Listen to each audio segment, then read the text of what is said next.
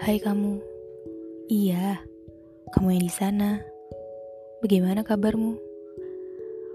Walau sekarang keadaan sedang tidak baik-baik saja, banyak hal yang dapat kamu lakukan. Banyak hal yang bisa kamu kerjakan. Walau di rumah aja, jangan hanya rebahan ya. Aku yakin kamu bisa buat perubahan. Kamu bisa kok, kalau kamu mau.